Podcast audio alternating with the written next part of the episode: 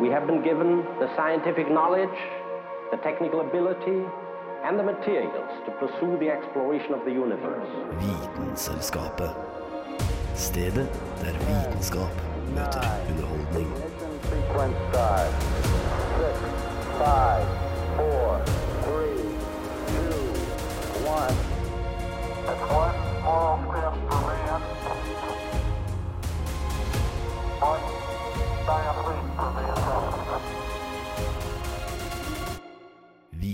Vitenselskapet.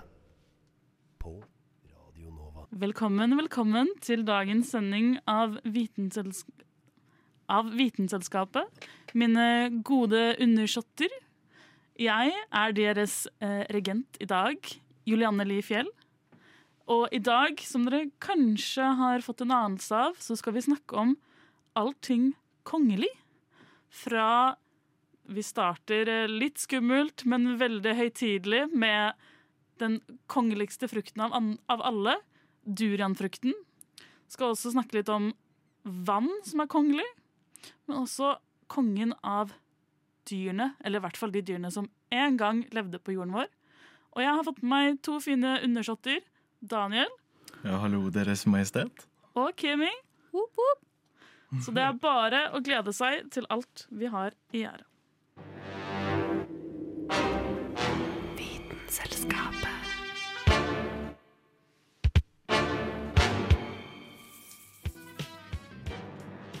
Eh, da skal vi begynne med vårt første tema, som jeg personlig er veldig spent for. Eh, fordi Kimmy, du har nemlig tatt med en litt spesiell frukt til oss i dag. Ja, det har jeg, og dette har jeg gledet meg skikkelig til. Jeg har ikke klart å sove engang, bare tenke på det. Eh, fordi dette er en veldig veldig spesiell frukt fra Sørøst-Asia. Steder som Malaysia, Indonesia, Thailand og Vietnam, der jeg personlig er fra. Eh, og ja, dette er en veldig veldig spesiell frukt, da, som eh, kanskje noen har hørt om, eh, mens andre har ikke helt hørt om det. Men hvis du søker opp durian på Google, så vil du se eh, at alt ved denne frukten her sier 'ikke spis meg'. Fordi det første du ser, er en sånn grønn, svær, piggete frukt. Hvorfor, eh, hvorfor skal vi spise den frukten her i dag, hvis den sier det, vil jeg spørre?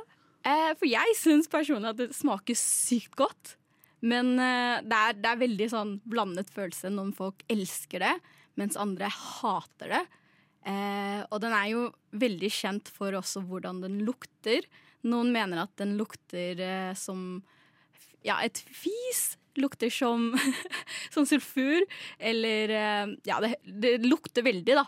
Så jeg er veldig spent på hvordan dere kommer til å reagere på dette her. Ja. Nei, jeg har med vilje ikke søkt på sånn der Durian Challenge på YouTube. Så, eh, eh, da, en eller annen gang jeg har sett på det tidligere, så ser jeg bare sånn der thumbnails med sånn skrekk og gru-ansikt. Så Jeg føler at jeg sikkert har sett det, selv om jeg heller ikke har søkt på det for å forberede meg for i dag. Så føler jeg at jeg har sett det før, og jeg har hørt fra folk som har smakt det.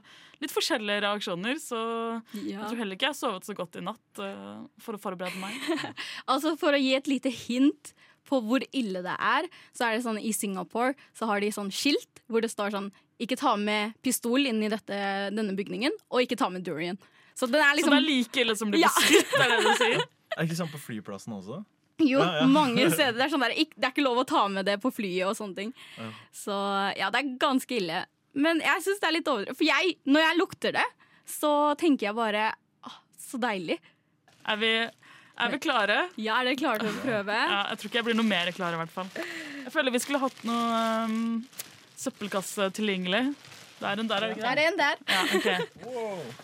For, sånn, for Kimmy Ja. sin skyld så er det ikke noe å bekymre seg for. Nei, Kimmy elsker jo dette her. For oss svake europeere. Jeg syns jeg lukta litt, men for å, for å beskrive det til lytterne våre, så var den, du hadde den pakka i en plastpose som var lukka igjen. Yep. Nå har du en container som også er eh, helt ny, uåpna, pakka i plast. Yep.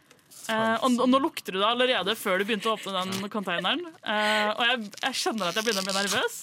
Jeg syns personlig ikke det lukter ikke ille, men jeg har, det er en svak lukt ved den. Ja, Og jeg tror jeg er bare nervøs fordi du har de ryktene. ja, Ja. egentlig jeg syns det minner meg litt om sånn LAN-rom. Ja, altså. Er sånn Den er jo frossen også, så den lukter ikke like ille som eh, det det ellers hadde Vil du lukta. beskrive den for eh, lytterne, Daniel? OK, skal vi se, jeg skal bare Oi. Okay. Kan jeg Nei, også det få den? Ja, det var faktisk lukter det veldig. Ja, altså, jeg tror det er mye fordi at den er frossen. Men sånn, det, var, det var virkelig bare litt som en ja, Jeg kunne egentlig ha sammenligna litt med en ost, eller en sånn mild fis, sånn som jeg gjorde da, da den først ble åpna Ja, men jeg er enig. Det er en, den, den, men den er blanda med noe litt fruktig, så det er ikke liksom Ja. helt forferdelig heller. Ja. Fordi, og så er det fordi jeg vet at den er fersk og ikke råtten, at det ikke lukter så på en måte råttent. Men den er jo fryktelig frossen. Og det hjelper vel sikkert de andre som skal være i studio senere. for å si det sånn. Ja, får håpe det. Går det an å få spist den så frossen som den er? Uh, jeg vet ikke. Prøv å stabbe Altså, Jeg foreslo at vi skulle gaffel. sette den i mikroen, men det sa du at uh, det hadde lukta litt for ille. Jeg tror ikke den Ja, er ok, så god. Den var ganske myk, da. ah, det, ble, Ja. Altså, Oi, okay. Men har den et skinn på seg? Ja, ja, den har en sånn liten Hinne? Men det går an å spise? Ja. Ok, for det, det, så ut som en, det ser basically ut som en veldig lysegul pølse. Eller to tjukke lysegule pølser. Med mindre det der er plastikk, da. Jeg liksom vet ikke. Det ligner litt på en plastikk, faktisk. Ja, jeg tror det er plastikk. Ok, det var plastikk. Så vi prøver å ikke spise plastikken. Å, det var Jeg har ikke lyst til å bli en skilpadde. Ok, Nei, men vet du hva, det, det minner meg faktisk litt om konsistensen av en banan. altså. Men Ja, den har sånn myk, Det er ikke sånn myk kremete konsistens. Hånden, men. Ja. Jeg har litt lyst til å bare legge OK, er vi klare? Skal vi gjøre det samtidig? Ja, let's go. Én, to, tre. Oi, sterk var Jeg mener, smaken var sterk. Å, den her var god! Oi. Jeg var litt redd for at den skulle være svak i smak, for noen ganger så får du en som ikke har så mye smak i det hele tatt. Ja. Men d- denne her er sånn OK. Ja. ok. Ja, fordi jeg syns ikke den Eller tror du det er mindre smak fordi den er frossen? Ja. Ok. Ja, det har det, ja. Ja, fordi jeg føler at vi hadde en veldig, sikkert en veldig skuffende reaksjon i forhold til det man ville trodd. Ja. Men jeg er sånn ikke så veldig kresen på matveiene.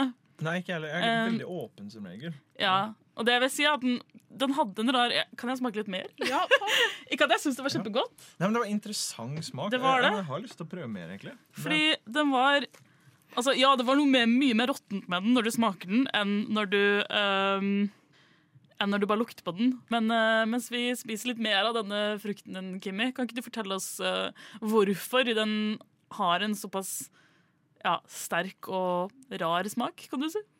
Vel, det Vi tror at det er jo gjennom evolusjon, eh, hvor liksom Den skal igjen beskytte seg selv ved å si at det her er ikke spiselig. Um, hold deg unna. På samme måte som for eksempel fluesopp prøver å beskytte seg selv.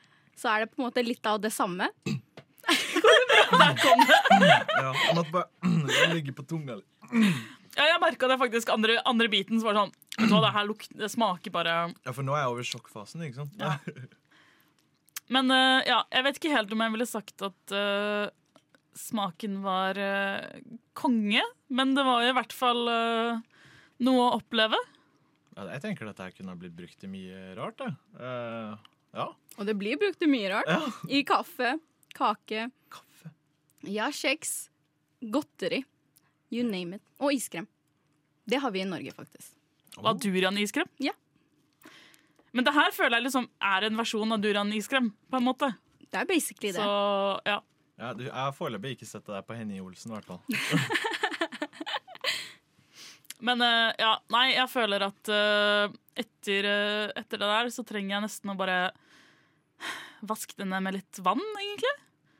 Eh, og egentlig så tror jeg helst vi bare vil komme oss så langt bort fra dette rommet som mulig. Så vi skal heller ta oss en kongebusstur.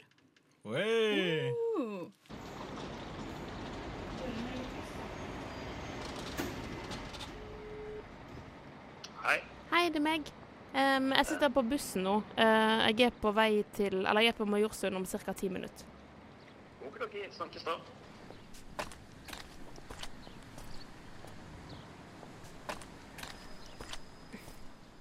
Det svir skikkelig på rumpen. Au! Det svir sånn skikkelig. Jeg skjønner ikke jeg, jeg skjønner ikke hva som har skjedd. Jeg må nesten sjekke det. Hva faen Er det to svarte flekker? Svi... Svimerker? Hva au, au, au, au, au, au, au, au, au. dette var en dramatisering faktisk basert på virkelige hendelser. Det var faktisk hele tre passasjerer på en buss som fikk svimerker på rumpen etter at de hadde sittet på samme buss en vårdag i 2007. Så hva er det som har skjedd? Mest sannsynlig så var det faktisk rester av noe som heter kongevann på bussetene. Og nei, dette er ikke en vakker, nydelig blanding som kanskje navnet tilsier. Dette her er nemlig en løsning som har muligheten til å løse det rojale metallet gull. For at dette skal være mulig, så er det altså snakk om en veldig, veldig sterk syre. Så sterk at den også kan svise gjennom buksen din og to hudlag. Kongevann er en blanding av konsentrert salpetersyre og saltsyre. Disse to syrene alene er også noen av de sterkeste syrene vi har. Og blander man de sammen, så kan det også løse opp gull. Men også andre edelmetaller, sånn som platina. Grunnen for at gull kan løses opp i denne her blandingen, er komposisjonen av de forskjellige syrene. Salpetersyre blir til nitrat i løsning, altså NO3 minus. Og denne her oksiderer gull, som betyr at den tar med seg noen av elektronene til gullet, sånn at gullet blir positivt ladet. Når vi har et positivt ladet gull, så kommer klorid fra saltsyren inn i bildet. Klorid er negativt ladet, og da kan det lage et kompleks med gullet. Og da er gullet løst opp. Blub, blubb. Da Danmark ble angrepet av Tyskland under, an under andre verdenskrig, hadde Niels Bohr to to nobelspriser i sin forvaring. Disse prisene er jo laget av gull, så for å hindre at nazistene skulle få tak i de, eller stjele de, løste man de opp i kongevann. Etter krigen ble gullet gjenvunnet fra løsningen, og Nobelstiftelsene støpte medaljene av de igjen. Denne kongelige saken ble laget av Anna Vik Rødseth. Spennende. Hæla i taket med Vitenselskapet.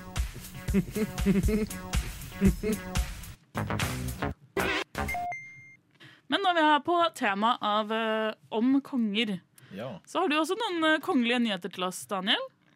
Det er det, da. Jeg så innså jo det at eh, her var det konger dere var ute etter. Eh, det jeg Ja, satt så igjen klart. med, var eh, kongler. Hva for noe? Kongler. Ko Eh, kongle. Altså de som henger i trærne. Ja. Jeg fikk ikke det memoet, skjønner du. Men det jeg fant ut, da Ja, ja, vi får ta, ja, hva har du funnet ut, da? Ja, Det jeg fant ut, da, eh, var at eh, konglen, den som alle som, Når jeg sier ordet kongle, så kommer du til å visualisere en sånn taggete sak. Det er bare én av to konglekjønn. Det er bare damekongler. Så du har Å ja, så konglene er dronningene? Ja. Men hva er dron... Ja, Okay. Man, mannekonglen er litt sånn litt ut av syne og driver egentlig bare spruter slags sånn der eh, sporesperm ut i lufta for å befrukte de damekonglene som du tenker på. da. Ja, Som de gjør. Mm, som de gjør. Og så fant jeg også ut av at eh, en største konglen som er, eh, eller den tyngste, kan bli fem kilo tung. What? Aha. Hvil- Hva slags trær er det som har så tunge kongler? Åh, det var et spesifikt tre Jeg lurer på om det var sånn mammuttre Nei, det var det ikke. Det Nei. Det kommer jeg ikke til å huske på Nei, nå. OK. Nei, Men det er et som fortsatt finnes, liksom? Det er ikke et Ja. sånn gammelt utsatt Wow. Aha. Og da dør jo folk, da, hvis Ja det faller. ja, nei, det er tilsvarende en bowlingball rett fra himmelen. Oh my goodness. Mhm. Det er en durianfrukt, men eh, i en kongleform. Men hvis vi eh, går tilbake til eh, fra durian eh, igjen, som vi aldri kommer oss bort fra, tilbake til eh, dinosaurer, så finnes det faktisk utallige arter og underarter. Og hvert år så vi blir kjent med enda flere av dem. Men det er jo ingen av dem som man vet så mye om, og som er så superb som selveste kongen av alle øgler, nemlig Tyrannosaurus rex. Oh. Hei og velkommen til Vitenselskapets tidsreiser. Dere er nå de heldige vinnerne av en safariopplevelse uten sidestykke. Men før vi kommer dit, så er det på sin plass med en liten introduksjon til det dyret vi skal observere. Tyrannosaurus rex levde i det som i dag er det vestlige Nord-Amerika, men som på den tiden var øykontinentet Laramidia. Dietten dens besto av omtrent hva enn kunne komme over, til og med andre mindre Tyrannosaurus rex. Mye tyder også på at de var dyktige svømmere, og at de titt og ofte tok seg en svømmetur over til mindre øyer. Et av Tyrannosaurus sine mest kjente trekk er de små forarmene. Men på tross av forarmenes relativt korte lengde, så estimerer forskere at bare bicepsen alene kunne løfte 199 kilo, og enda mer ved hjelp av de andre musklene i armen. Men nok om det. La oss nå hoppe inn i tidsmaskinen vår og gå 68 millioner år tilbake i tid, og se om vi kan finne et levende eksemplar.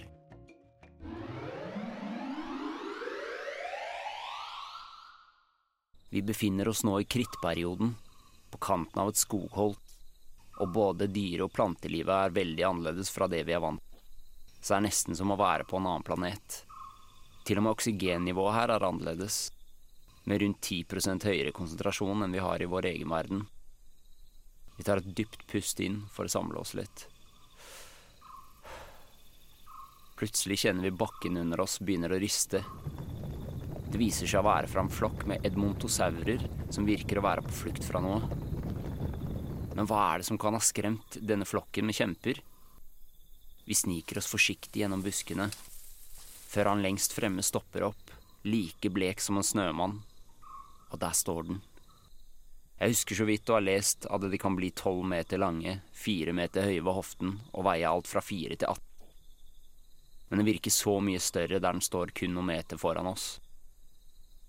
Hodet hans går litt frem og tilbake og opp i luften. Det virker som han lukter noe. Lukten viser seg å komme fra en allerede død triceratops som ligger noen meter til siden fra oss. Musestille sitter vi klemt sammen inni busken og bærer vitne til de 15 cm lange tennene til T-rex som brått er pent plantet inn i det ene beinet på triceratoppen. De skjærer igjennom både bein og knokler som en kniv gjennom smør, og det groteske synet er nok til å få han ene i gruppa vår til å hyle ut i skrekk. Så kommer et syn vi aldri trodde vi skulle se. Tyrannosauren tar det ene beinet opp og svinger seg rundt, som en ballerina tar en 180 graders piruett, og brått har han ansiktet vendt mot oss. Alt blir stille. Ser han oss, ser han oss, hvisker hun ene. Hysj, sitt helt stille, kommer det fra en annen. De løper ikke så jævla fort, så vi kan rekke fram til tidsmaskinen før den tar oss igjen, sier jeg, vel vitende om at jeg langt ifra er den tregeste i gruppa, og at all min kunnskap om Tyrannosaurus sin toppfart er basert på estimater forskere i moderne tid har kommet med. Jeg er enig, vi må komme oss vekk, hvisker han som hadde hylt ut. Vi løper på tre, ok? De andre nikker stille. En, Denne saken ble presentert av Christopher Ramage. Å vite vet Vitenselskapet.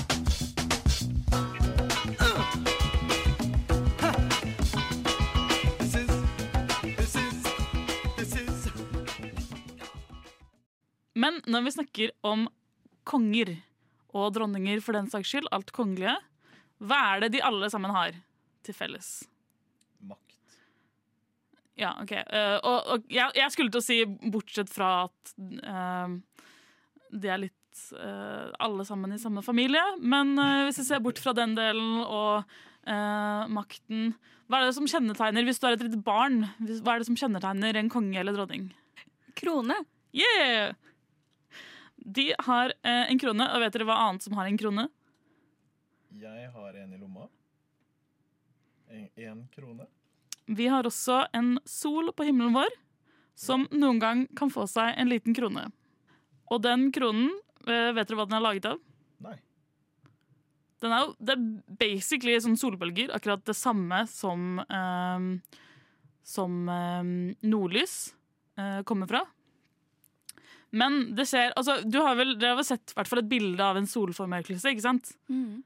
Og da ser det ut som det er på en måte en krone rundt. Eller det er jo sånn du tegner en sol også, egentlig. Det ser ut som en sånn sol, men at den er bretta ut da. på siden. At den er sånn taggete. Og det kalles for eh, solkorona. Så vi er ikke ferdige å snakke om korona, nei. Aha, kommer deg ikke unna. Nei, vi kommer oss ikke unna.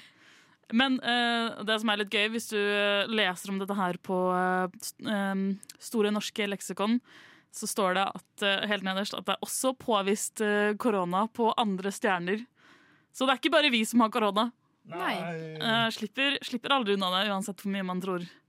Men det er jo på grunn av ordet, da. fordi det betyr krone. Og det er da det ytterste utstrakte området i solatmosfæren.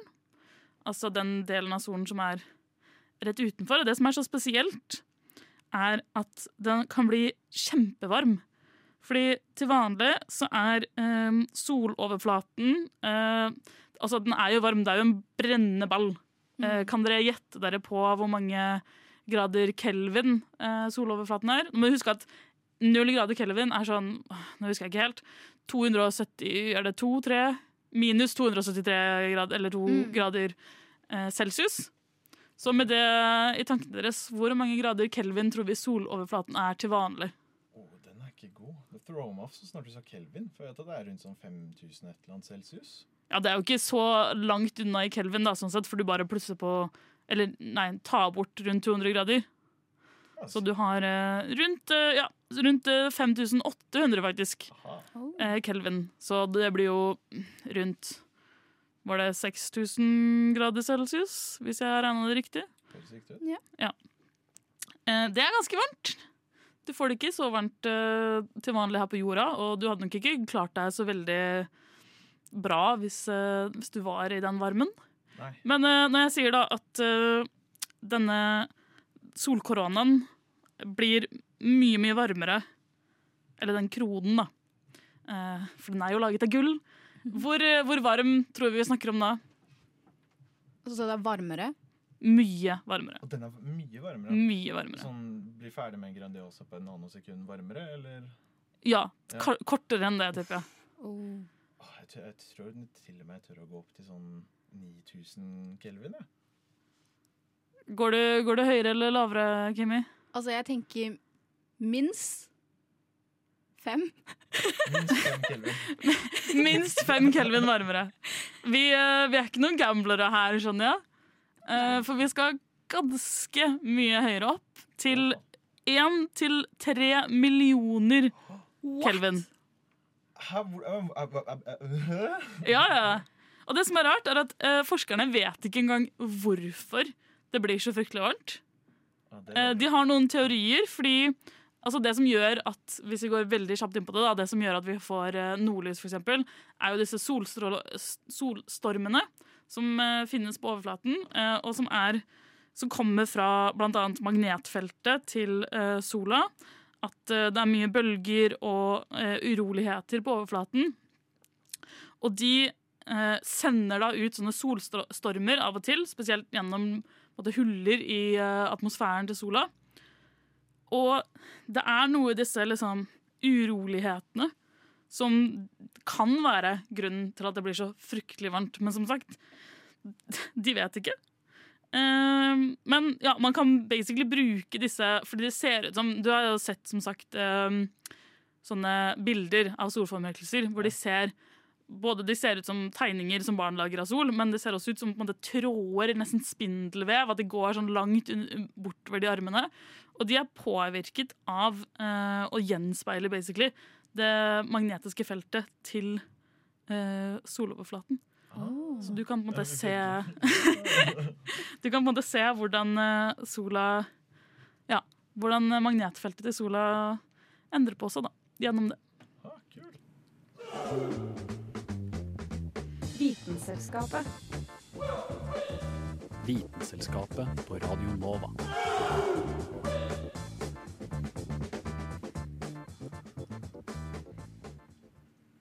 Vanligvis blir det ansett som helt konge, og opp gjennom historien har folk til og med startet kriger for å sikre seg plass på tronen. Nå skal vi imidlertid høre mer om en rojal tittel som absolutt ingen har lyst til å ha.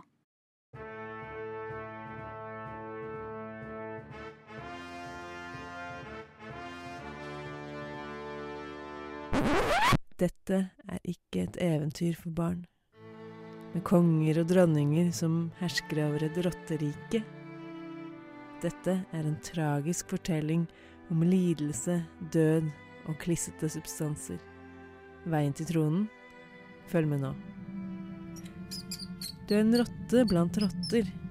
Ute er det issende kaldt, og den eneste måten du kan holde varmen på, er å krype tett inntil dine brødre og søstre. Inni denne klyngende rotter er det godt og varmt. Du glipper med øynene, og til slutt sovner du. Når du våkner, kjenner du at du er sulten, og du prøver å kravle deg ut av rottehaugen for å finne noe å spise. Men noe holder deg tilbake. På en eller annen måte har din lange rottehale filtra seg sammen med de andre rottenes hale, og nå henger dere sammen i én stor klump. Du er blitt en del av en rottekonge. En rottekonge er altså ingen rojal stilling, men en betegnelse på to eller flere rotter som henger sammen i halen. Men er dette fenomenet i det hele tatt mulig? Fortellinger om rotter som henger sammen i halen, har fantes i flere hundre år, men det har også vært sådd tvil om dette er en reell greie, eller om det er en myte skapt for å skape skrekk i befolkningen. Opp gjennom historien har flere rottekonger funnet veien til museene. Museet i tyske Altenburg har verdens største rottekonge. Den er fra 1828 og består av hele 32 mumifiserte rotter. Man skulle tro at dette var et klart bevis på at rottekonger er ekte. Men siden de allerede var døde da de ble funnet, er det hevda at rottekongene bare er skapt ved at noen har tatt en flokk med døde rotter og bundet dem sammen i halen. Nå som vi har kameraer lett tilgjengelig, er det imidlertid hevet over enhver tvil. Rottekonger er ekte. I 2021 ble en rottekonge, eller en musekonge, med fem levende mus filma i Stavropol i Russland. Og ikke nok med det, det er også funnet ekornkonger, hvor ekorn har hekta de buskete halene sine sammen. Fenomenet rottekonger er riktignok veldig sjelden, og det er bare registrert omtrent 60 tilfeller i løpet av de siste 500 årene. Så hvordan blir en rottekonge til? Sannsynligvis må det være veldig kaldt, slik at gnagerne trenger seg tett sammen. I tillegg må rottene, eller i det minste halene, utsettes for noe som klistrer halene sammen. Dette kan være væske som fryser, eller noe som er kliste, f.eks. kvae. Det er også funnet konger hvor halene har filtra seg sammen med hestehår, gress eller plastikk. Uansett hvordan rottekongen ble skapt, er rottenes skjebne som regel dyster. Siden de vil ha store problemer med å skaffe mat, og det å bite av halen sin kan svekke rotta drastisk, vil livet som regent mest sannsynlig bli svært kort og grusomt.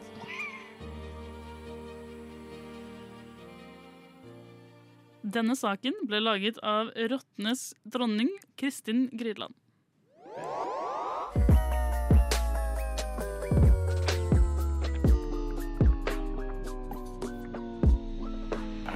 Vitenselskapet.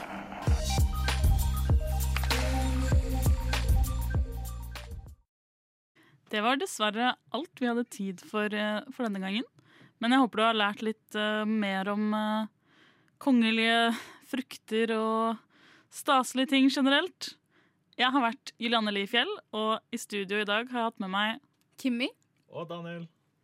Eh, Du kan høre mer av Vitenselskapet enten neste tirsdag på Radio Nova, eller hvor enn du finner podkaster. In a world governed by corporate sellouts, there is one station which refuses to bow down, and that simply wants to deliver great entertainment. Radio Nova. Og